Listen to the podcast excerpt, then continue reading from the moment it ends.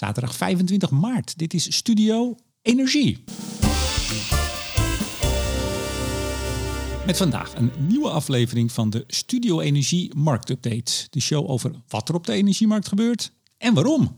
Met de marktanalist van Nederland, senior energie-econoom bij publieke zaken, Hans van Kleef. Goeiedag.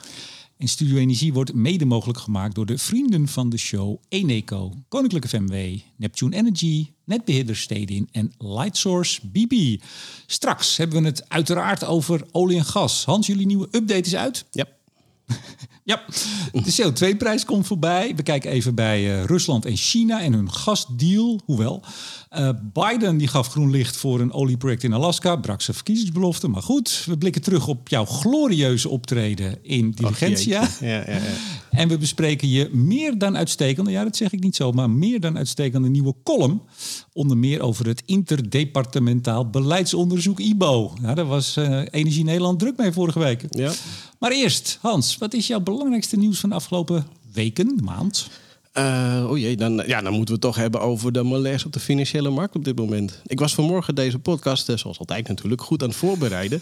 Dus ik schreef de koersen op van waar staan we ongeveer. En normaal gesproken schommelt dat niet zoveel op een dag. Maar inmiddels staan we 4% lager, dus ik heb net alles weer een beetje bij, bij gewerkt. Want uh, ja, na uh, de uh, Silicon Valley Bank in de VS, na Credit Suisse in Zwitserland, staat nu Deutsche Bank wat onder druk. Oei. Dus um, ja, dat, dat houdt de gemoederen bezig. En dat heeft dus ook een effect op grondstofprijzen en dus energieprijzen. Ja, hoe, hoe verhouden die zich tot elkaar? Grondstofprijzen en energieprijzen? Nee. Een, een omvallende bank in Silicon Valley. Oh, en nee, oké. nog twee, hè? Het waren er drie, hè? Ja, oké, maar goed, Ja, dit was de, de bekendste. Ja. Ehm, Maar hoe heeft dat een effect op energie- en grondprijzen? Nou ja, via het sentiment. Eh, als je ziet dat het sentiment ehm, eh, verslechtert op de financiële markten, dan betekent dat er vaak door beleggers eh, risicovolle beleggingen wat worden afgebouwd. Risicoaversie hè, noemen we dat. Ehm, en dat heeft natuurlijk een effect op, op posities in grondstoffen. Grondstof is bij, bij uitstek een risicovolle belegging, zeer speci- specialistisch. Ehm, en zeker ook niet voor iedereen geschikt. Bij deze de disclaimer voor de beleggende luisteraar. Ehm, maar eh, dat betekent wel dus dat, dat ja, die posities gesloten worden. Je zag het eigenlijk op verschillende terreinen terug. We hebben het straks nog over CO2-prijzen. En, maar je zag het zeker bij olie ook. Eh, ja, dan, dan het zorgt voor een enorme neerwaartse druk op die, eh, op die, op die prijzen. Ja, werd, werd nog een beetje gecounterd toch weer door de verwachtingen dat China wel weer lekker gaat aantrekken dit jaar? Ja, dat, tot en met eh, gisteren. Dus de laatste paar dagen trok het weer wat aan. Maar zeker vandaag staat alles weer eh, behoorlijk in de rood. Ja, ik luister veel podcasts de laatste tijd, steeds meer eigenlijk. vooral ook in Engeland en Amerika. En daar was een, een lastig financieel besluit door de Fed te, te nemen. Ja. Voorzitter Jerome Powell, centrale bank VS natuurlijk. Eh, ja, ze konden twee dingen doen. Rente verhogen. Ja, of Eh, niet. Of niet? Nee, maar vertel even. Nee, maar dit was Nee, echt. klopt, maar, want eh, ik hoorde echt dat het de, de, ongeveer de belangrijkste besluit of het moeilijkste besluit wat de Fed in, ik geloof, ja, een hele tientallen jaren heeft moeten nemen. En dat komt omdat zij natuurlijk hebben aangegeven tijdens de vorige vergadering dat ze de rente zouden verhogen. Want het is nodig om inflatie te beteugelen. Dat is hun, eh, hun kerntaak. Ehm, en ja, als je dat, een- die belofte maakt, dan houden de financiële markten je daaraan. Want anders kom je niet geloofwaardig meer. En nou, dan krijg je een flinke afstraffing in, in, in die financiële markten. Gaan beurs omlaag. Nou, daar is niemand blij mee. Ehm, maar tegelijkertijd zie je dat die, die problemen in die bankensector eigenlijk met, met name komt vanwege die hogere Hoge rente. rente, Dus ja. op het moment dat je die rente weer gaat verder verhogen, dan krijg je ook onrust op die financiële markten. Dus het was eigenlijk kiezen in dit geval uit twee kwaden. En eh, nou, uiteindelijk hebben ze een kwartje erbij gedaan. Ja. Ja, en, en tegelijk van, ja, dus het, het is fascinerend. Ja, het is jouw wereld, mijne niet. Maar eh, dus van, nou, laten zien. Want kijk eens, we, we, blijven doen wat we altijd deden, maar dan toch ook alweer in, in de bewoordingen. Vroeger met Duisenberg bij de ECB was ook altijd zo mooi. Hè? En het is nog bij, bij alle eh, Ja. presidenten van de ECB, zeg maar de Europese Fed. Echt de woorden worden echt gewogen Ja, nou, op, op, op eh, tien goudschaaltjes. Hè? Van Absoluut, ja. De indruk geven, oké, we doen het wel, maar ook de indruk geven van als dit fout gaat, dan kunnen we toch Ja, wel maar het is heel ietsje veel, veel, hoe heet het mooi, forward guidance met, met, eh, op basis van, van, van woorden inderdaad. Het, het sturen, het signalen afgeven van, van woordkeuzes. En eh, ja, ik, ik volg die centrale banken tegenwoordig iets minder dan, dan, dan vroeger. Ehm, ik, ik werk ook niet meer bij een bank, dus dat, dat, eh, dat kan ook. Nee, je moet op acquisitiepad natuurlijk. Dat, dat kost heel veel tijd. Dat, dat kost ook zeker veel tijd, ja. Maar ehm, eh, en, en, en dan, dan eh, destijds bij Draghi bijvoorbeeld, ja, dan, dan was het echt zoeken naar één woordje die dan anders was ten opzichte van de vorige keer. En dat, dat, dat, dat, daar konden mensen uren over praten van wat het dan zou kunnen betekenen. Op zich heel fascinerend. Maar op een gegeven moment ja, denk ik ook wel eens van, misschien leggen we er iets te veel nadruk op. Maar het blijft, ja, het blijft een, een fascinerend eh, iets om, om, te, om te volgen. Ja, ik zei even, jij hebt acquisitiepad. Dat is toch even van belang, want na 24 jaar de bank, hè? 23, 23. bijna, op een maand. eh, Oké. ja. Ehm, kan, kan nu iedereen jouw kennis eh, afnemen? Zeker, Toch? ja. En het gaat goed, hè? Je hebt steeds meer Ik, klanten. eh, je hoort mij niet klagen, nee.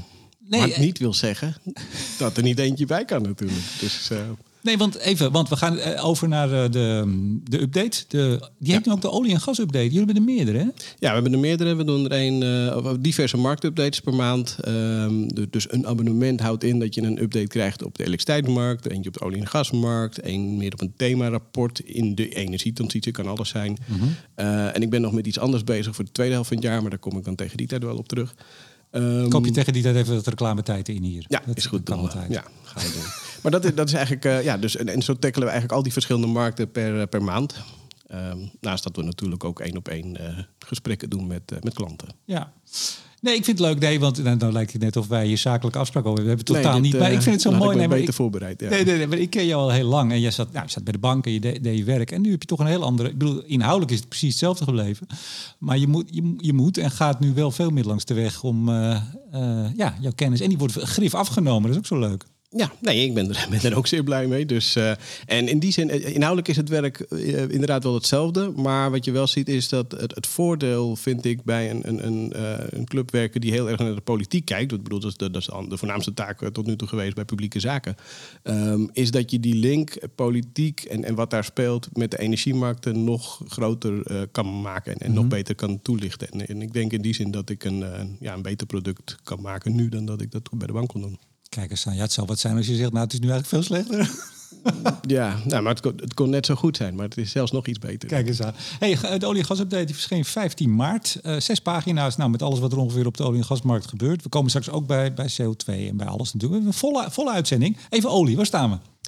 Eh, nou, inmiddels dus op 73 dollar voor een vaatje Brent, 67 voor eh, WTI, West Texas Intermediate eh, voor de liefhebber. Ehm, maar vanmorgen was het dus nog 3 dollar, ruim 3 dollar hoger, eh, vanwege dus die onrust nu weer in, eh, in Europa op die eh, bankenmarkt. Ehm, ja, en ik moet eerlijk zeggen, ik zat net, net eens op te schrijven en een beetje te kijken van ehm, eh, als, als je wat uitzoomt. Want ik roep natuurlijk al een tijdje van ja, eigenlijk is die prijs te laag, we moeten omhoog. Maar uiteindelijk als je uitzoomt zitten we al behoorlijk lang in een neerwaartse trendlijn. Ik zal je even voor zijn. Zeker. Ehm, en, en hoe komt dat nou eigenlijk? En dat is toch, eh, om, tenminste als ik meteen door mag pakken, van, van ja, waar, waar, waar zit dat dan in? We dachten natuurlijk dat die Chinese economie behoorlijk aan zou trekken nu die lockdowns weg zijn. Nou ja, dat valt gewoon een beetje tegen. We zien ook dat de Russische olie beter zijn weg naar de markten weet te vinden dan dat we eigenlijk hadden gedacht. Eh, dus dat zijn eigenlijk ja, factoren die beide werken met het verlagen van die eh, eh, olieprijs. En we natuurlijk nog steeds die recessieangst. En met die hogere rentes die we steeds zien vanuit die centrale banken, ehm, ja, neemt die kans op een recessie alleen maar toe. En recessie betekent toch ja, afkoeling van de economie, minder vraag naar energie, en zeker bij olie. Eh, en dat, dat drukt die prijs toch wat omlaag. Dus fundamenteel gezien denk ik nog steeds dat die prijs uiteindelijk omhoog moet. Maar dat is echt meer vanwege investeringen en het feit dat vraag-aanbodbalans op termijn uit de, uit de pas gaan lopen. Maar het korte, termijn, korte, eh, korte termijn sentiment is gewoon negatief. En eh, ja, dat. Ja, en als jij zegt moet, dan bedoel je zal gaan. Nou, ja, Hoort bij. Eh, hoort bij. Ja, als je puur kijkt naar de naar vraag-aanbodverhouding, eh, nou, dan zien we op dit moment dus wat, eh, dat de aanbod wat meevalt en de vraag wat tegenvalt. Dus in die zin past dat bij een lagere prijs. Maar als je uitzoomt en dat, kijkt naar de investeringen, naar de verwachtingen ten aanzien van de groei van China en, en hoe, hoe daarbij het aanbod groei achterblijft, ja, dan zou daar een hogere prijs bij horen. Eh, gisteren donderdag, want we nemen dit op vrijdag op. eh, bericht van, wat was het? Eh, Reuters? Nee, Bloomberg, sorry. Ehm, Alexander Novak, dat is de vicepremier. Ja. Premier. Eh, nee, vicepremier. eh, vicepremier. Van Rusland. Ja. Die zijn nou, we hebben eh, afgelopen maand niet, of deze maand, sorry, niet 500.000 vaten minder olie, maar slechts 200.000 vaten minder. Z- Ja. Zegt Rusland dus, hè? Ja, ik, ik- je stuurde een berichtje, die had ik op dat moment nog niet gezien, maar ik heb even ingedoken en het, het is een beetje, een beetje onduidelijk, want met wel vanaf Ja, want, sorry, dat zou dus betekenen dat ze beter in staat zijn om hun olie naar de markt te brengen als het er maar 200.000 zou, zouden zijn. Ja, maar hij zei even later ook eh, in, in, in datzelfde bericht dat, dat hij eh, aangegeven had natuurlijk in maart de productie met 500.000 te verlagen. Volgens mij hebben we dat vorige keer Ja. ook aangegeven. Eh, en dat is ook zo als je het vergelijkt met de 10,2 miljoen vaten die ze zeiden te, te, te produceren. Maar dat zou ook wel eens inclusief de natural gas liquids kunnen zijn. Nou, dat is een beetje on- onduidelijk wat er precies onder valt. Ehm, dus afhankelijk van wat die uitgangspunt is, heeft hij wel of niet gelijk. Maar uiteindelijk heeft hij ook gezegd: ja, die 500.000 productieverlaging die ik heb aangekondigd voor maart, die gaan we verlengen tot en met juni. Ja. Kun je hier überhaupt nog wel enige waarde aan ontlenen? Nee. Waarom hebben nee, we het hierover? Ja. Nou ja, goed, Omdat ik het inbreng. Uh, dat, maar kijk, uiteindelijk, en, en uh, ik, ik, denk ook, die, die productie in Rusland, die gaat natuurlijk omlaag. En zij zeggen, ja, dat is beleidsmaatregel, want we willen de, de, de, de afnemers in het Westen ook straffen. Ja, dat is natuurlijk onzin. Uh, die productie gaat omlaag omdat zij hun niet genoeg kunnen afzetten en dus productievelden moeten insluiten. Ja. Dus, ehm, en, en ja, afhankelijk van welk cijfertje je als uitgangspunt pakt, is, is natuurlijk dat meer of minder. Maar uiteindelijk gaat die productie omlaag. En naarmate dit langer duurt en die sancties door blijven zetten, gaat die productie verder omlaag. Nou, we gaan straks bij gas hebben ook iets over Rusland en China, waarbij Rusland toch heel erg uh, een bepaald punt wilde maken. Laten we het zo zeggen. Dus ze proberen ontzettend met woorden proberen ja, ze hun positie. Guidance. ja, ja, forward guidance. Schrijf op, beste luisteraars. Forward guidance. Prachtig. Hey, even um, Amerika. Uh, hoe gaat het aan met de olieproductie? Want aan de ene kant, uh, nou ja, zegt Biden natuurlijk, we hebben heel veel olie nodig. Zelfs uh, Venezuela, die werd weer enigszins aan de borst gedrukt. Ja. olieproject in Alaska, waarvan Biden tijdens de verkiezingen zei, gaat never nooit niet gebeuren. Sta ik niet toe? Nou, ja, wel hoor. Ja, hè? Geen probleem. Gewoon doen. Nou, wel een probleem voor hem, maar inderdaad. Ja, wel, maar goed, het geeft natuurlijk wel die complexiteit aan. Aan de ene kant uh, zien we dat de vraag naar olie daar weer toeneemt. Uh, ik las van de week ook weer een berichtje dat de driving season zit er weer aan te komen. Hè. Dat tussen Labor Day en Memorial Day is het seizoen dat al die Amerikanen in de dikke SUV stappen en Amerika door gaan crossen. En dan neemt over het algemeen de vraag naar olie wat toe. Of met name de diesel of de olieproducten dus. Mm -hmm.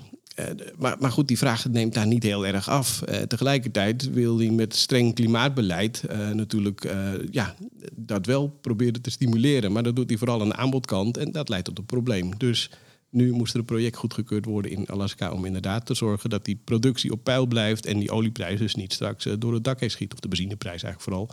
Want daar zijn de Amerikanen borkenlegjes over. Weet je Hans, ik ben, ik ben een ontzettend naïveling, denk ik.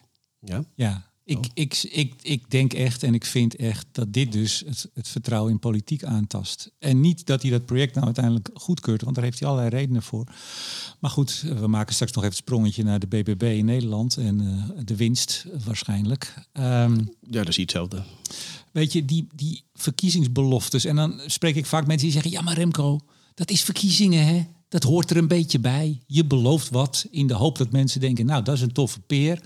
Uh, en dan zit je er eenmaal en dan, ja, dan haalt de realiteit je in en dan moet je wat en dan doe je toch. Maar dat hoeft dus niet, Hans. Je hoeft niet te beloven dat je een project niet gaat doen. Ook al als je weet, dat was toen ook al, dat het misschien wel eens nodig zou kunnen zijn. En in Nederland zien we natuurlijk precies hetzelfde. Ben, ja. ben ik nou naïef? Zeg het maar. Nee, nou, dat weet ik niet. Laat, laat dat maar aan de luisteraars. Maar uh, kijk, je ziet eigenlijk twee dingen. Aan de ene kant zie je natuurlijk uh, het, klimaatbeleid. Um, daar weten we heen willen. En, en lange termijn moeten we natuurlijk zeker van het fossiel af. Maar je hebt ook daar de, korte termijn problemen bij. Zeker als het gaat ook om betaalbaarheid en leveringszekerheid. Dat is één. En het tweede is, um, uh, zeker hier in Nederland, heb je een coalitiesysteem. Dus je kan als politieke partij wel van alles willen. Maar uiteindelijk moet je altijd water bij de wijn doen. En kom je dus ja, op, op een het eindresultaat dat altijd minder scherp is dan dat je hebt ingezet. Dus in die zin, als, dat, dat zou je als kiezer moeten weten. Ja, maar, maar weet je, we hadden het er ook in diligentie even over met, uh, met Marty Visser tijdens de quiz. Komen we zo nog wel even op, denk ik. In ieder geval, diligentia en jouw glorieuze optreden. Mag ik dat nog een keer herhalen? Ja, dat heb je al gedaan. Maar ik vind nou wel genoeg. Nee, maar, nee, maar ik heb zelfs een fragmentje, beste luisteraars. Hou op nou. Ja. Um, Nee, maar weet je, ik, ik zou het echt toejuichen als GroenLinks een keer in het kabinet komt. Maar als je toch ziet welke beloftes zij gedaan hebben, of andersom uh, uh, handelingen van het huidige kabinet of het vorige kabinet, of alle kabinetten daarvoor, want ze hebben nog nooit meegedaan.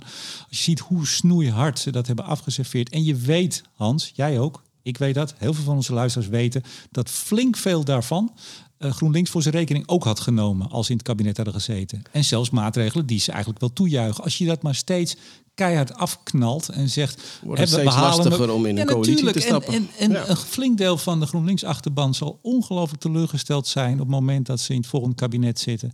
En gewoon op de rij om de trein stappen. Want het hele idee dat je als één partij en zelfs als land binnen Europa... nog heel veel verschil kunt maken, dat, dat klopt niet. Dat is niet waar. Dus nee, wordt de teleurstelling zit alweer ingebakken. Dat er steeds meer partijen komen die zo hard dingen uh, stellen en, en zich daarmee eigenlijk uh, buitensluiten voor mee kunnen regeren. dan wordt het steeds moeilijker. Kom je steeds meer bij dezelfde partijen uit. En uh, ja, gaat er ook niet zoveel veranderen. Ja, nou ja, in ieder geval Biden die, die is daar flink voor op zijn op zijn gezicht gegaan. Er is nog wel iets anders, schreef jij in de, in de update.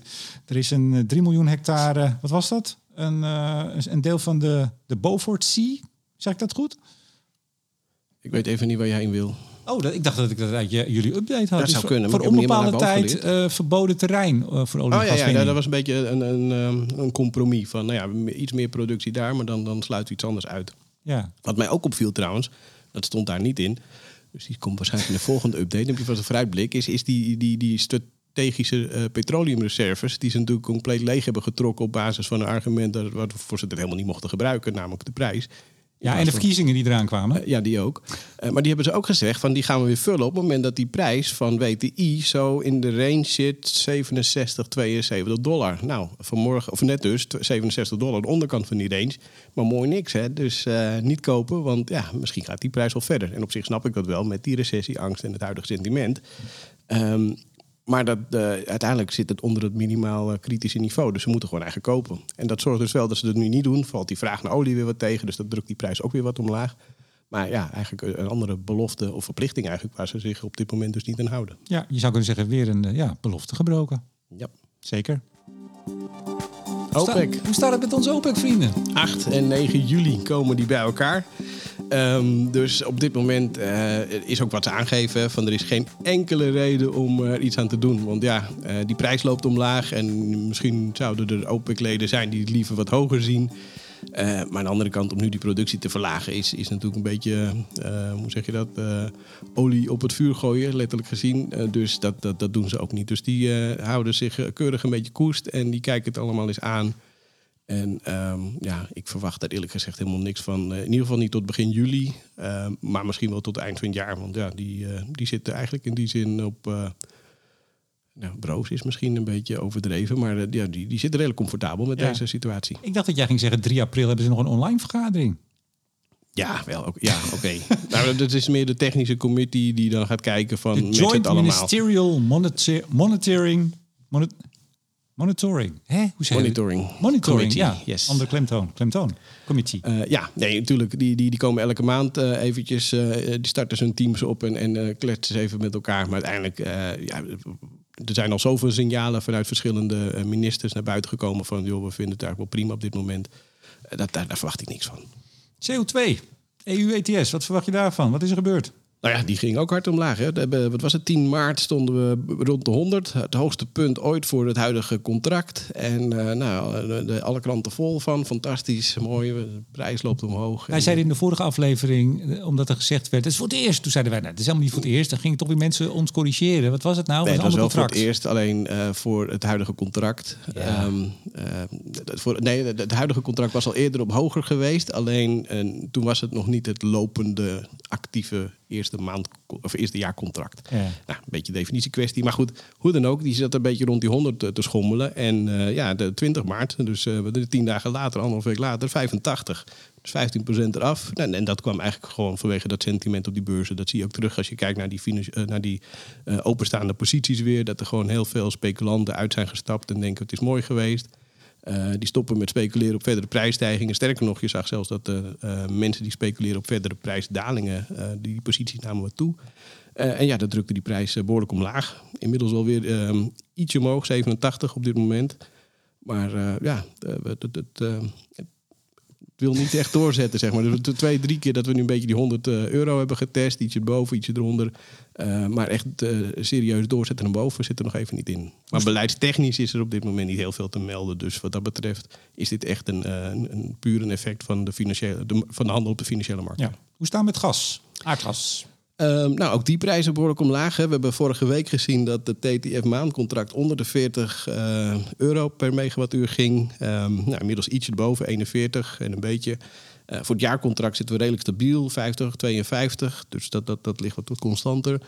Um, maar goed, behoorlijk omlaag. En, uh, dat, maar, moet ik er meteen bij zetten, nog steeds drie keer hoger dan voor de crisis. Hè. Dus, ja, pas op hè. Dat, ja, ja. dus wel lager, maar niet laag. Ja. Um, en op zich is dat uh, ook niet zo gek, want we zitten eind maart. Uh, en, en, officieel begint het vulseizoen voor onze gasvoorraden uh, in april. 1 april, geen grap. Ehm, en uh, en dat, ja, dat, dan moeten we dus gaan zien hoe die uh, voorraden gevuld gaan worden. En op zich, dit moment staat er heel goed voor. Hè? Dus uh, als je kijkt naar de Europese gasvoorraden, ruim 55 procent. In Nederland bijna 59 procent. Ja, dat is voor deze tijd van het jaar ongekend hoog. -hmm. en dat is gunstig, want dat betekent dat we minder hoeven in te kopen. Um, en dat betekent dat we dus niet zulke achterlijk hoge prijzen wellicht hoeven te betalen op de markt. om, om ja, dat op tijd te kunnen vullen voor het eind van, van de zomer. Um, en dat maakt dat die gasprijs dus wat lager is. Maar het feit dat we er zo goed voor staan en die prijs even goed nog op, op 40 plus zit, ja, dat geeft ook wel aan dat, uh, dat de tijd van heel goedkoop gas wel een beetje geweest is voorlopig. Uh, en dat de risico's prijstechnisch gezien echt nog wel aan de bovenkant zitten. Ja, en dat we dus misschien ook minder uh, Russisch uh, vloeibaar gas hoeven te kopen. Want dat staat ook mooi in jullie update. hoeveel dat vorig jaar is toegenomen. Hè? is geen, geen nee, daar zaten op. geen sancties op. Dus, um, het gaat gewoon stilletjes gewoon. Dat ja, en er was wel een, een, een pleidooi vanuit de Europese Commissie om vooral dat ook nog verder af te bouwen. Maar ja, uh, uiteindelijk uh, willen we ook wel voldoende gas deze kant op hebben. En dat, dat maakt het natuurlijk lastig. Ja. Hey, de EU gaat ook in april niet alleen het, uh, het vulseizoen beginnen, althans de, de gasvoorraden vullen, maar ook gezamenlijk gas inkopen, althans een aanbesteding daarvoor beginnen. Ja, 15 procent hè. Dat, -huh. um, dat klopt, dat gaan we in april zien. Maar even afwachten hoe dat, hoe dat gaat lopen. Oh, nog geen nieuws over? Ik heb niks gezien. Nee. Ja. Dacht dat je het erover wil hebben. Of heb ik dit bedacht? Dit heb jij bedacht, maar niet doorgegeven. Dus heb ik ook verder niet voorbereid. Had je dat niet in de update staan dan? Heb ik dit nou, heb ik dit nou helemaal zelf bedacht? Dat weet ik niet. Hmm. Maar, ja, nou. maar goed, nee, maar ze gaan wel inkopen in april. Maar uiteindelijk ja, dan, dan, dan, dan gaan ze zich gezamenlijk in optrekken. En, en, en kijken hoe, in hoeverre die gas aangekocht wordt. Ja, heel veel meer kan ik er niet over zeggen. Nee, maar het, het idee is natuurlijk dat in plaats van vorig jaar toen uh, lidstaten tegen elkaar aan het opbieden waren, dat, we dat, uh, dat we dat niet meer doen. Dat is het idee. Ja, maar goed, het is voor 15 procent. Um, en ja, nou ja je, je, wil elkaar niet, niet uit de markt bieden. Maar aan de andere kant, ja, dat, uh, maar kan het niet blijft lastig. Kan het niet die 15% een aanloopje zijn om, te kijken, om het een beetje het water te voelen en te kijken, nou, hoe, hoe, hoe werkt dat nou als we dat met z'n allen doen? En misschien wordt het nou nog wel meer. Ja, dat zou kunnen. Maar ik, ik weet het niet. Ik vraag me ook af of iedereen dat wil. Hmm. Maar, ja. ja. Volgens mij wil je het wel hebben over een uh, aangekondigde gasdeal tussen China en Rusland. nou, ik wil het over het andere ook wel hebben. We kunnen er niet heel veel meer over nee, zeggen. Maar, heel goed. Nee, dat, dat, dat was natuurlijk van de week vol in het nieuws. Hè. Uh, Xi was op bezoek bij Poetin. En uh, nou, dat zag er allemaal heel gezellig uit. En uh, handelsdeals gemaakt. Maar je zag toch wel in, in de berichtgeving ook, ook wel hele grote verschillen. Poetin die ging echt van, nou, het is een enorm mooie gasdeal. We gaan Power of Siberia 2 afronden. En, um, ja, pijpleiding. Dat is een pijpleiding die van... Uh, ik bedoel, je hebt al Power of Siberia 1, een pijpleiding die zeg maar vanaf midden-Rusland uh, om Mongolië heen naar het noordoosten is dat van China loopt. Mm -hmm. die, uh, die is er al. Um, en dan komt dus een, een deel 2 bij, zeg maar. niet te verwarren met Nord Stream 1 en 2, want die liepen echt naast elkaar. Maar dit, dit gaat dus dwars door Mongolië heen. Ja. Dat is besproken. Um, en nou ja, nu zou, uh, zou, alles op groen licht staan dus. Nou, dat, dat is nog niet helemaal het geval, uh, bleek achteraf. Maar um, waar Poetin zei van nou, de deal is helemaal rond... en, en we gaan uh, heel veel gas leveren aan, aan China... was eigenlijk vanuit China meer zoiets van... nou ja, voor 2030 hebben we niet heel veel meer nodig. En die, die waren heel erg aan het downplayen. Dus er was een heel duidelijk belangenverschil. En uh, op zich ook niet zo gek, want ja, uh, hier hebben de Chinese Poetin toch wel behoorlijk klem. Mm -hmm. uh, en kunnen enorm gunstige prijzen afspreken. En opvallend is wel dat die Power of Siberia 2, die, die loopt dus vanaf dat Jamelveld. En daar, dat is eigenlijk het beginpunt van al het gas dat naar Europa komt. Dus in die zin zou die pijpleiding wel iets toevoegen. Want ja, het, het zou dus echt in dit geval een alternatief zijn voor de gasexport vanuit Rusland naar Europa. Mm -hmm. Ja. Maar voorlopig uh, ligt het er nog niet als één. En uh, als het er komt, dan is het vooral winst voor China. Ja, voor China. En, en moet Poetin hier toch behoorlijk water bij de wijn doen. Het, het, bijzondere was wel dat Poetin had dus gezegd van nou, all, all agreements, het is helemaal rond. Ja. Maar daarna in een, ook een Russisch statement, dus niet van de Chinezen, maar de Russen zelf zeiden nou, er moeten nog wel wat details allemaal worden uitgewerkt. Ja, het werd ook, ook, ook al daar wel gedaan, maar het was vooral een, een, een ja, je, je mag toch aannemen, een, een intern ding zeg maar, van Poetin richting de Russische uh, achterban van uh, kijk mij eens ja. even fantastische deals hier afsluiten. Uh, terwijl de werkelijkheid ja, ietsje anders was. Overigens, dit gaat buiten de orde van deze podcast, maar jij, jij volgt ook nog wel eens wat andere podcasts, denk ik. Het is echt wel bijzonder hoe China daar echt helemaal geen toenadering tot, tot Europa heeft gezocht. Hè? Het is echt gewoon mijn vriend, mijn vriend Poetin. Ja, is het vreemd Poetin of is het meer... eh, van, ja, wat valt er te halen? Ja, ik denk nee, dat dat het vooral is. Zeker, En, maar in eh, ieder geval niet, niet een. ik bedoel, aan in woord wordt dan wel gezegd, zeker in de oorlog Oekraïne, dat ze een neutrale positie innemen. Ja. Maar op alle eh, vlakken is het steun. Het is een fantastische samenwerking. nou, geen wapenleveringen. Nee, dat zeggen, ze- dat zeggen ze van niet. Nee. Ja, ik, ik weet het niet. Ik ben er niet bij. Maar Nee, maar er werd, er werd verwacht door sommige analisten dat China toch ook, omdat Europa is een hele belangrijke markt voor ze. Ze willen ook graag eh onze Ja, losweken van de waarom die wapenleveringen wil achterblijven. Want eh, uiteindelijk is Europa en de VS ook eh, een belangrijke markt dan Rusland. Dus daarin zal China toch echt wel ja, een beetje, beetje pas op de plaats maken. Het zijn spannende tijden hoor, geopolitiek. Echt heel bijzonder. Ja, fascinerend ook. Ja. Hebben we alles gehad van Rus- Rusland-China? Ja, toch? Ja. Nou, gaan we door, terug naar Nederland. Ehm, jij stond in eh Theater Diligentia. Ja, jij en, ook. En eh, ja, en jij ging. eh, nou, weet je, ik, ik, ik, weet, ik wist niet hoe ik het in het draaiboek had. Ik het zingen, rappen. Of Spoken word, zeggen ze, heb ik gehoord. Ja, ik wist ook niet, maar dat schijnt zo te heten. Oftewel, ehm, ja, mijn, mijn zangkunsten die, zijn lang niet zo goed als die van Jillis en van Letitia en eigenlijk van iedereen. Dus ik denk, laat ik het hierbij houden. Nou, ik ga even een fragmentje. Dit komt uit de aftermovie, dus er zit een beetje een, een tune doorheen van de aftermovie. Maar dan hebben mensen toch een heel klein Ik ben al lang beetje. blij dat je niet vraagt of ik het live nog even over wil doen. Eh, ik heb hier op mijn lijstje nog een vraag voor jou staan. Daar komen we zo op. Nou, dames en heren, energietransitie, vijf jaar in één minuut. Duurzame energie is een doorslaand succes. De zon schijnt en wind waait, ook tijdens een reces. Nee, maar je zit nu alweer een beetje mee te bobben zo. Van, het ging hartstikke goed. En dit was niet het begin trouwens. Dit was geknipt. Eh, Ja. je, je ging echt in één minuut vijf jaar energietransitie. Nou, het werd ietsje lang, één minuut, twintig geloof ik. Maar Ja, ik heb hem iets vertraagd. De- Die gasten, want dat komt natuurlijk uit Even tot hier. Hè. Die hebben altijd een, een simpel liedje over een best wel ingewikkeld onderwerp in één minuut. Maar dat is serieus zo knap in één minuut. Dus ik heb, er één, ik heb hem iets opgerekt. Niemand die dat merkt. Ja, nu zeggen we het. Maar, eh, en, en dan twee keer. Want één keer eh, vijf jaar energietransitie. Hè, en in lijn met vijf jaar podcast Studio Energie. Ehm, en, eh, en, en toen had ik zoiets van, ja, dat, dat, er gebeuren heel veel mooie dingen, maar er is ook hier en daar wat negatief. Dus laten we ook een, een, een positieve vooruitblik maken. Dus hebben we nog een minuut al vastgeplakt. ja, was dat, dat positief, dat was toch een beetje cynisch, of niet? Nou ja, dit, dit is, het is entertainment toch op zo'n zo'n zo'n middag. Dus eh, je moet ook weer niet te serieus nemen. Alhoewel er heel veel serieuze ondertonen in zaten. Ja, we gaan het straks nog even over jouw column hebben. Dat vind ik echt een, echt een hele goede column. Daar raak je echt een heel... Ja, jij schrijft altijd goede columns, maar dit vond ik een... Die steeg er bovenuit. Daar eindig je ook met van, nou, moet ook positief en zo. Toen dacht ik, je moet wel een beetje Je uitkijken. bedoelt Met- gewoon dat het over jou wordt? Of Nee, over nee, de nee, nee, nee. Nou, daar wou ik het niet eens over hebben. Nee, Oh. dat noemde je ook. Da- dank daarvoor. Maar, eh, nee, maar het was, ik vond het ook zo leuk, want jij hebt het hier dus eh, vorige keer deed je het hier voor mij even om te laten zien. Dat was Ja. volgens mij een maand geleden. En ik vond het fantastisch. En jij was natuurlijk een beetje onzeker, maar je zag hoe, hoe de zaal ook reageerde. Die moesten op de goede momenten, zeggen we dan, eh, lachen. Ja. Ze vonden het echt heel leuk. ja, ik heb best wel le- leuke reacties op gekregen. Zal ik, het, zal ik het slot nog even laten horen? Ach ja, jij bent nou toch al bezig. Ja, er wordt straks wel hard gelachen, eh, omdat jij, eh, als er hard gelachen wordt, laat jij een foto zien van iemand. En ik geloof dat het een minister is, maar dat weet ik niet helemaal zeker. De doelen voor 2050,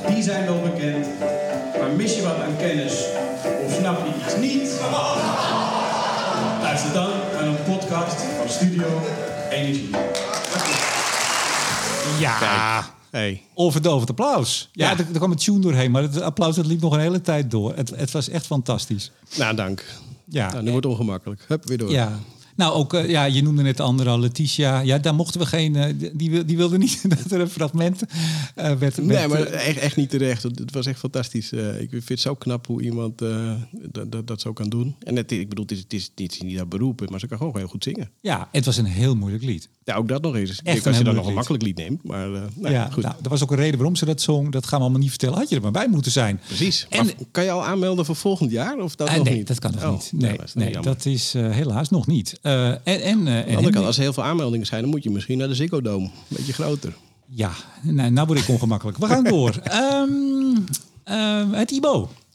Ja, Dat was een, volgens mij een dag voor Diligentia. Want jij had jouw column, je schreef... nou, het was een enerverende week. Er gebeurde van alles. Inderdaad, verkiezingen, BBB, grootste partij. Er was ooit vier jaar geleden een andere partij, grootste partij. Die is geen grote partij meer. Dus het kan verkeren. Um, IBO en uh, Diligentia. Maar even IBO, vertel even, wat is dat? Het interdepartementaal beleidsonderzoek... Uh, dat eigenlijk de minister had, gevraagd en opdracht had gegeven... Um, onder leiding van Laura Vergees kwam een rapport... waarbij eigenlijk gekeken werd naar wat als we de, de doelen willen halen... wat is dan extra nodig op het gebied van beprijzen en normeren? Even in, in een notendop. Ja. En belangrijk al meteen de kern van dit hele verhaal. Wat zijn de doelen?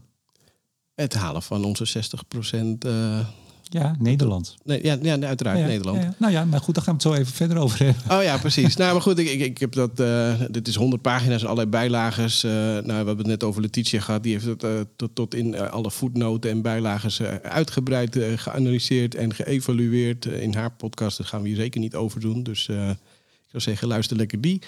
Um, maar twee dingen vielen mij toch wel op. En die heb ik ook in, de, in mijn column wat uitgelicht. En dat is de eh, de nationale CO2-heffing, die, uh, waarbij eigenlijk gezegd wordt van uh, ja, die moet verhoogd worden. Nu is het een doel van 125 euro in 2030. Mm-hmm. dat moet dan minimaal voor de industrie 250 worden. En de tweede is het verhogen van de belasting op aardgas. Ja. En nou ja, sowieso, uh, het schijnt dat, dat Rutte, die, die werd gevraagd op een gegeven moment van, ja, wat vind je van het IBO? En die zei, um, en dan heb ik een beetje boven liggen, maar even uit mijn hoofd is dat, uh, volgens mij zei hij van, het is een mooie gedachtegang. Uh, van een ambtelijk Zoiets, ja. groep mensen. Ja. ja. Nou, dat hij, was er, niet, hij was er niet heel erg enthousiast over, laten we het zo zeggen. En hij is vaak enthousiast over dingen. Ja, altijd. Dat, uh, zeker. Nou, hier dus maar, maar, hier iets minder. Maar goed, uiteindelijk, en dat is natuurlijk ook. Uh, het was de, de, opdracht van de minister is van kijk hoe je de doelen kan halen door middel van beprijzen en normeren. Dus op zich dat het dan hiermee ja. uitkomt, is niet zo gek. Uh, het wordt wel raar op het moment. Um, ik bedoel. Ja, ik zit even kijken, hoe, hoe ga ik dit hoe zeggen? ga je dit netjes zeggen, ja? Ja, nou ja, doe, het is natuurlijk een hele theoretische exercitie. Um, dus, dus in theorie ja, kan je alles beprijzen en, en uh, is, is, is elk doel haalbaar. Uh, maar dan komt er een stukje bij dat heet praktijk en realiteit. En, en ja, dan... dan... Ja, dat, maar dat doen we niet aan, Hans. Dat doen we niet aan. Nee, dat vergeet ik af en toe. Maar, ja. maar goed, dan, dan heb je wel zoiets van... ja, wat is dan het hele nut van zo'n onderzoek? Wat, wat, wat voegt dit toe? Nou ja, je kan een soort staalkaart heb je dan, hè? Van een soort menukaart van, nou ja, je zou Jawel, maar je krijgt allemaal discussies over dingen die er niet toe doen. Dus als je aan de ene kant ziet van, ja, we moeten de belasting op aardgas verhogen, maak je het duurder. Maar we zitten net, uh, ik bedoel Hoekstra van de week, die roept in, uh, in de media van, ja, we, we, moeten wel die, die gascompensatie, die prijs voor de energierekeningen, ja, die loopt eind van het jaar natuurlijk af. Dat moeten we wel verlengen, want anders gaan mensen te veel betalen. Ja, op een andere manier, heeft Kaag al gezegd. We gaan het niet op dezelfde manier Nee, maar dat was al het voorstel. Dus ja. het feit dat de, dat de, de consument uh, alweer gecompenseerd moet worden... en tegelijkertijd um, ga je dus aanbevelen dat die belasting verhoogd moet worden... ja, dat, dat, dat schuurt natuurlijk aan alle kanten. En wat nog meer schuurt is die nationale CO2-heffing. Uh, en dat is uh, ook niet zo gek, want ja... er stond dus in van de, e de EU-ETS-heffing, dus vanuit Europa... dat is te laag om de nationale doelen te halen. Ja, koekoek, nogal wie dus.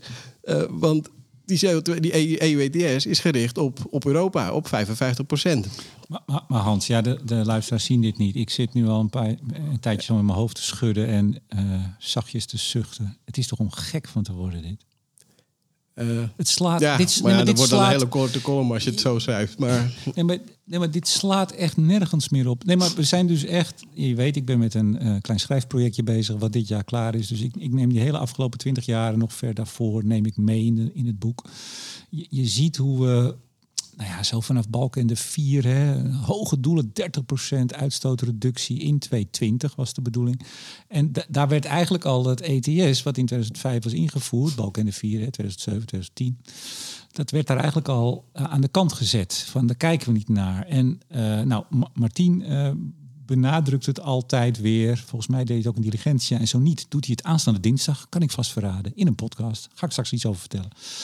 Um, weet je, Europa, het is, het is, een fantastisch systeem, dat ETS. We gaan met z'n allen naar nul in de elektriciteit en de energie. De grote uitstoters. En het maakt dan niet zoveel uit of je een centrale hebt staan in, uh, in, in Polen of in, in Nederland. Je moet rechten hebben. En heb je een hele vieze oude centrale, dan die niet ja, efficiënt maar dat schuurt natuurlijk wel met nationale doelen die sterker ja, maar, ingeschoten ja, maar dus, zijn. Dus dan kan je nog zeggen, nou weet je, daar hebben we allemaal maling aan. Maar wij willen hier binnen de landsgrenzen en dan laat je laat je import, export, het laat je allemaal vallen. Het feit dat, dat je dan voor het buitenland produceert of andersom, dat laat je allemaal vallen. Maar nu ga je dan zeggen dat dat systeem wat bedacht is om als Europa, als geheel, met, met elkaar. Het is een heel mooi systeem. ook de solidariteit tussen landen eigenlijk. En je laat het afhangen van de handel en, en wie er hard naar beneden gaat als bedrijf. Minder rechten nodig, dus minder kosten. Dus uh, beter te concurreren. Dan zeg je nu, ja, maar ja, dat, werkt eigenlijk niet voor onze nationale doelen. Nee, precies wat je zegt. Nee, hallo. Maar de, de gedachtegang is al zo idioot. Ja, maar de, Polen vindt het fantastisch, want als wij wat sneller gaan, dan kunnen zij iets langer de tijd nemen. Dus kortom, uiteindelijk, ik begin al mijn presentaties altijd met van het is een mondiaal probleem en we willen die anderhalve graden uh, bereiken. Nou, inmiddels misschien in richting twee, maar uh, in ieder geval, dat, dat zijn, dat, daar gaat het uiteindelijk om. CO2-prijzen, of CO2-prijzen, CO2-prijzen, maar nou, CO2 verlagen. En, um, en, en ja, dat, dat, dat vind ik zelf super frustrerend, dat je dan dit uh, geneuzel ziet in, binnen de landsgrenzen. Terwijl we vanuit Europa, we hebben een, een Raw Critical Material Act en we hebben een Net Zero Industry Act. Die, die moet zorgen dat we die, die uh, minder afhankelijk worden van partijen buiten Europa. Dus China, Rusland even kort gezegd. Ook de VS mag daar wat mij betreft bij. Uh, zeker na de, zeker. de IRA. Um, ehm, en, en de, waarschijnlijk de komende president. Zou ook zomaar kunnen. Uh, hoewel, die zou zomaar eens opgepakt kunnen worden de volgende week. Maar dat even terzijde. Nee, maar dan, dan zie je dus dat vanuit Europa uh, ja, toch echt duidelijk beleid wordt gemaakt om, om ja, die CO2-uitstoot te verlagen. Maar ondertussen de, de industrie bijvoorbeeld in Europa te houden en, en, en, en te stimuleren om te vergroenen. En, en, en wat doen wij? We gaan de boel lopen frustreren en het over de grenzen jagen. Ja, ik, ik vind dat heel moeilijk. Ja, maar het, het, het, het, het zegt, ja, weet je, we zouden hier echt iedere, iedere aflevering heel lang over kunnen doorpraten. Want ik probeer dan steeds te kijken, ja, hoe komt dat dan? Hè? Waarom doen we dat dan? En, en waarom... Omdat we het, het, het, het, eh, slimste, het beste jongetje van de klas willen zijn. Maar volgens mij gaat het om dat je met de hele klas uh, de, de eindstreep redt. En niet dat jij per se als eerste over die, eh, die, die, die finish heen rent. Ja, maar dus moet je je ernstig afvragen uh, of eh, partijen en uh, politieke partijen, organisaties echt wel willen dat we zo snel als maar kan uh, de temperatuur op aarde in de klauwen houden. Er, er spelen nou, dus heel andere zeggen, de, totale doelen, doelen, waar we het voor we het eigenlijk doen, die, die vergeten we ons uit beeld. Ja, maar het is dus je had het net over mijn dus... column, maar uh, Jan-Paul van Soes, die kennen ja. denk ik heel veel ook wel. Ja, ja. Uh, op Energiepodium ook een heel, uh, vond ik een hele mooie column, die eigenlijk zegt van, we, we, zijn dat hele doel van CO2 verlagen, zijn we gewoon een beetje uit beeld verloren. En, en niet alleen CO2, dus veel breder ook methaan en alle andere broeikasgassen. Maar het lijkt wel alsof het doel is, we willen van fossiel af. Nee, het doel is klimaat- of temperatuurstijging voorkomen. Dat, dat moet hem nou, toch nog maar eens even een keer herhalen. Maar dat is het hoofddoel. Ja. En maar... dat je minder fossiel nodig hebt straks of gaat gebruiken, dat spreekt voor zich. Maar hoeveel precies en op welke manier, ja, daar zijn we zijn veel meer bezig met hoe in plaats van waarom. Ja, nee, ik zei, ik zei even, ik sprak door je heen, excuus. Uh, uh, Oud-directeur C Delft. Uh, groener dan groen. Jan-Paul van Soest, hè? Even. Nee, maar, maar gelukkig dus... ook wel met een, een, een wat realistische kijk op, uh, op, op hoe, de, hoe, de, hoe de wereld in elkaar zit en wat je moet doen. Nee, maar even toch voor luisteraars die denken, Jan-Paul van Soest, uh, hoe de fuck is Jan-Paul van Soest? Nee, maar dat, het is niet iemand, want dat kan je makkelijk denken, oh, dat is misschien iemand die een beetje in de fossiele hoek zit. Nee, absoluut niet. Nee. echt aan de, aan de milieubeweging kant en jarenlang C Delft-directeur geweest en nog steeds met zijn eigen consultancy met een aantal mensen. Nou, maakt niet uit. Uh, ja, nee, precies, als je gewoon goed kijkt, dan is dit gewoon allemaal contraproductief. En dus het, het van we moeten de aarde redden. Nee, dat, heel veel willen dat helemaal niet. Die hebben andere belangen. Die willen dat eh, de partij groter wordt. Die willen, nou, weet ik veel wat het is. Maar het, het, draagt niet bij. En soms zelfs contraproductief met het doel wat je zegt te willen. Ja, het is echt uh, het is moeilijk. een boek verschrijven. Ja, nou, maar dat is dus wel heel moeilijk. Van hoe, hoe duid je dat? Want uh, als je, nou ja, je zag het met 250 meer dan 250 mensen in Diligentia. Um, toch allemaal mensen die ook in de transitie werken. Uh, op allerlei verschillende plekken. In alle, ik vond het trouwens leuk. Het was een heel mooi gemeleerd gezelschap. Jonge mensen, oud. Uh, ja, ik weet het. Ik heb het opgeschreven. Ja, dus, zeker. Ja. Um, oh ja, je hebt opgeschreven. Leuk in je column. Maar waar is die column te lezen trouwens? Ook op Energiepodium. na die van Jan-Paul van Soet. Dus ik zou zeggen, lees allebei. nee, maar dan, dan kom je al heel snel, als je met mensen die hier enigszins sjoegel van hebben, dan kom je tot eigenlijk dezelfde conclusie. Uh, maar ja, ik zei het ook intelligentia zelf. Ja, we kunnen hier wel een soort kleine enclave we weten hoe het zit, hoe het echt werkt. Maar als de rest van de wereld zich daar buitengewoon weinig van aantrekt, ja, dan schiet je nog niet heel, heel veel op ermee. Hè? Nee. Hebben we ook nog iets positiefs? Nee, we gaan, dat, dat vond ik het enige minder aan jouw column. Dat je aan het eind een beetje zo van, ja, maar we hebben ook, er gaat over Ah, heel veel dingen goed. Je, je moest natuurlijk toch een beetje, een beetje positief. Nee, Ja, nee, we moeten gewoon reëel zijn. Dat is iets anders. en Ook. als het maar er positief is, gebeuren ook heel veel mooie dingen. tuurlijk. Nou, die mag je ook wel eens belichten. Ook Een beetje zure oude mannetjes op een balkonnetje worden, dat, dat kan altijd. eh, Nee, maar dit is interessant. Dit is interessant wat je zegt, want daar, daar hadden we het toen ook over. Kijk, er gaan dus heel veel dingen heel erg goed zelfs. Ja. En ook Martien weer, ik haal hem maar weer aan. eh, ik mag het ook nog wel eens twitteren. We hebben alle klimaatdoelen, officiële klimaatdoelen die Nederland in 2020 had, heeft Nederland gehaald. Ook de Ja. laatste duurt altijd even voordat alle berekeningen binnen zijn, maar ook de energiebesparing is gehaald. Sommige zijn ruim gehaald. Nederland denkt, en dan bedoel ik met Nederland, bedoel ik media, bedoel ik eh, opiniemakers, bedoel ik allerlei mensen die denken en die zijn overtuigd van het feit dat dit niet waar is. Dus dan kan je zeggen, er gaan heel veel dingen goed. Dat is ook zo. Je zag het van de week weer. Ik had een podcast over eh, eh, offshore wind, of althans wind, offshore wind. Ook nog even wat dingetjes over, over getwitterd. We zijn nummer vier als het gaat over offshore in de wereld. eh, in, vermogen. gaaf, toch? We zijn nummer vier in het neerzetten of de plannen in de pijplijn under construction. Maar het beeld is in Den Haag, bij een aantal partijen, eh, in de media, bij heel veel gewone mensen, dat het echt drie keer, nou ik zou bijna een vies woord gebruiken, dat het drie keer niet zo goed is. Dat het echt heel is het slecht is. wel heel belangrijk dat je dat ook blijft benoemen. En niet maar het alleen heeft geen maar... zin. Het benoemen wel. heeft geen zin. Nee. Nee, als je het niet noemt, dan, dan, weten we- dan, dan leert dat deel van de maatschappij het ook niet. Le- Dus, lees je eigen column even. Nee, ja. Het is sowieso een goed idee. Nee, maar, Het- natuurlijk is het ook goed om dat te benoemen. Maar je moet niet, niet de rest ook benoemen, blijven benoemen. Je moet niet denken dat het werkt. Nee, dat klopt. Je kan het opschrijven en benoemen. En wij kunnen het nog een paar keer benoemen. En, en, dat- maar het, het is. Nee, maar het is, ik maak me echt zorgen. Dat heb ik vaker gezegd, even serieus. Over Europa lange termijn. Want de, de prijs, en dat benoem jij ook hè, in, je, in je column. Ook, je, je wijst ook nog eens goed op het, dat niet alleen maar de ETS-bedrijven, de grote industrie, het bijltje erbij neer kan gooien in Europa of in Nederland. Maar ook, ook MKB. Ja. Die aan de ene kant eh, allerlei eh, eh, beprijzingen en normeringen om de oren krijgen. Aan de andere kant niet kunnen verduurzamen. Of omdat het proces misschien nog moeilijk te verduurzamen is. Of omdat, daar heb je hem, het stroomnet vol zit. Ja. Nee, maar dus als dat betekent dat mensen eh, het bijltje erbij neergooien, dat effect zie je pas over jaren. Dan zitten wij over tien jaar en hebben we de CBS-cijfers erbij. En dan zeggen we, nou, dat hebben we altijd gezegd. En dan zeggen ze, eh, de grote media, die hebben zoiets van, nou, wat is er nou gebeurd? Ja. Industriële productie teruggelopen, werkgelegenheid teruggelopen. Hoe kan dat nou? Dus het maakt niet uit dat wij dit zeggen. Deze podcast is volstrekt overbodig. Niemand heeft er wat aan. Zo, nou. Dames en heren, dit is de laatste in. aflevering. Ja, nee. Ja. Ik vond trouwens wel, je schreef heel mooi over het IBO nog even, dat Ja. rapport. Want zo komen we erop een, een teleurstellende update van de 2021-versie. Ja, het stond namelijk hetzelfde in.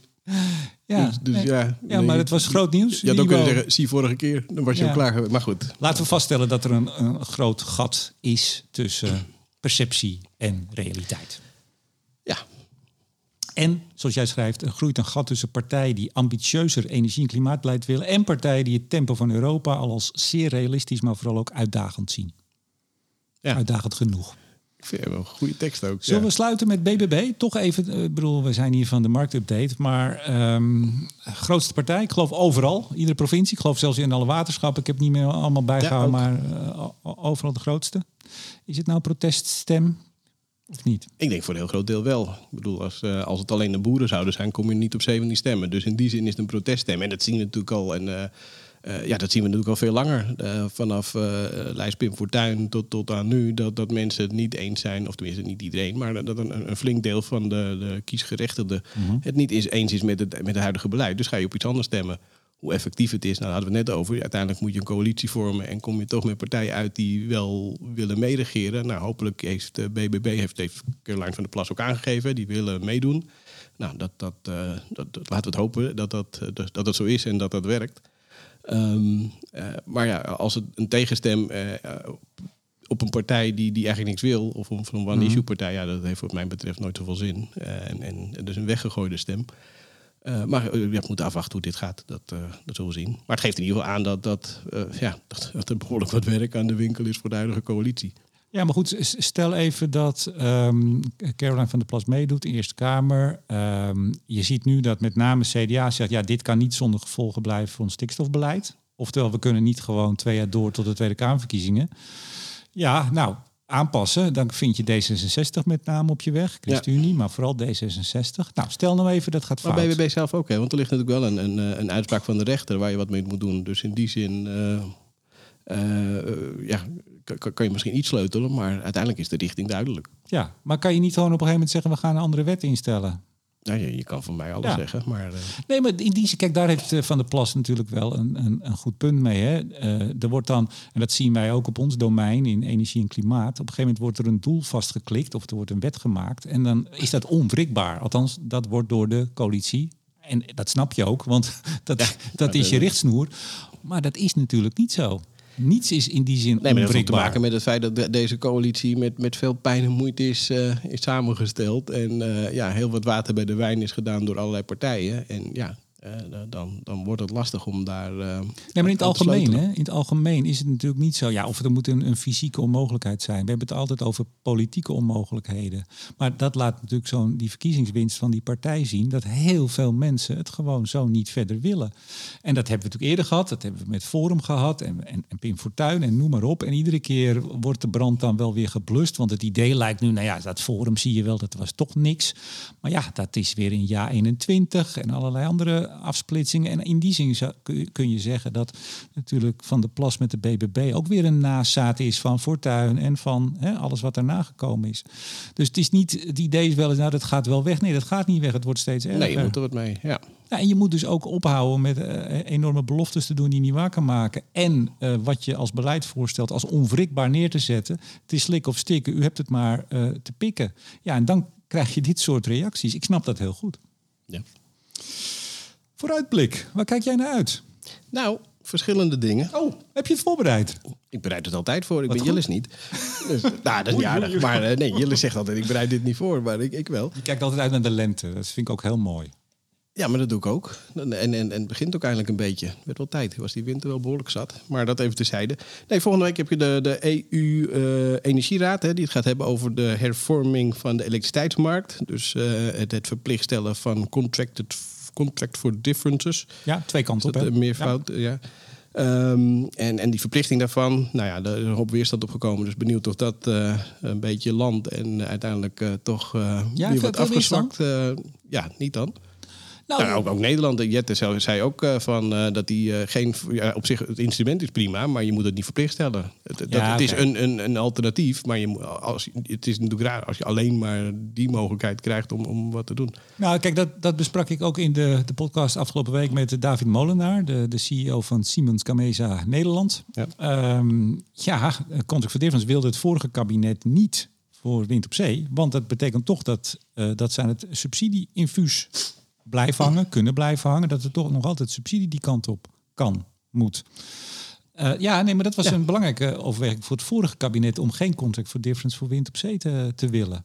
Dus als we dat wel weer gaan doen. Je, in, in, in, je, hebt, je, hebt, je hebt van die power purchase agreements, hè, die, die bilaterale overeenkomsten. Nou, contract for difference is eigenlijk niet zoveel anders. Kun je ook onderling afspreken. Uh, maar om, om een manier vast te leggen als, als, als, als verplichting, ja, dat, dat is uh, raar. Maar goed, dat ik zeg, er is weerstand op gekomen. Benieuwd uh, hoe die discussie volgende week gaat. Mm -hmm. uh, verder, ja, ik, ik, ben benieuwd hoe de, hoe de vraag naar olie zich ontwikkelt. Dus ik kijk uit naar het volgende IEA-rapport. Want dat is denk ik toch de meest onafhankelijk in die zin. Maar dat duurt nog een paar weken. Want het EIA, het EIA zit op een heel ander spoor. Ja, maar ja, dat is niet zo gek. Dat zijn Amerikaanse... Dat is de Energy Information Administration. Dat is zeg maar het IEA, maar dan uit Amerika. Dus um, waar het IEA, het Internationaal Energieagentschap, 27 of 28 leden heeft... die allemaal betalen aan die club en daarmee een soort van onafhankelijk is, is het EIA gewoon een grote roze Amerikaanse bril.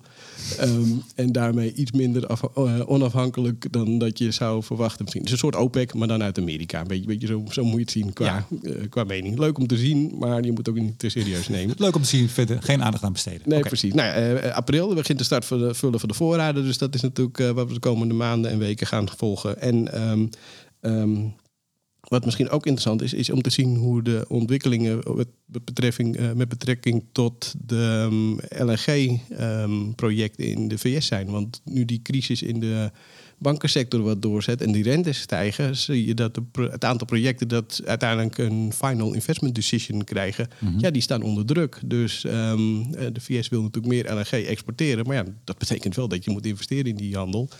Um, dus dat is iets wat de komende week ook. Uh... En een aantal van die projecten die ze al zijn, waren aangekondigd, hadden nog geen final investment decision gekregen, waarschijnlijk.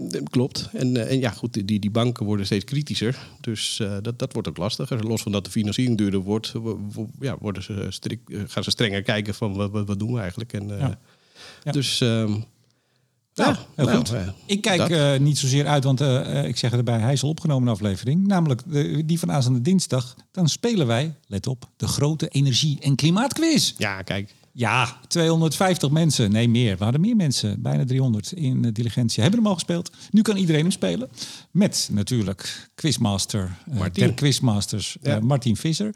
Um, ik zal de vragen nog even op social media zetten, maar die, die bespreken we natuurlijk ook. Dus je kan de tekst meelezen, maar je kan hem ook gewoon lekker luisteren. En het is denk ik vooral leuk, want het was best een moeilijke dit jaar, de quiz. Ja. Het was een pittige. Ja, zeker. het was een heel pittige.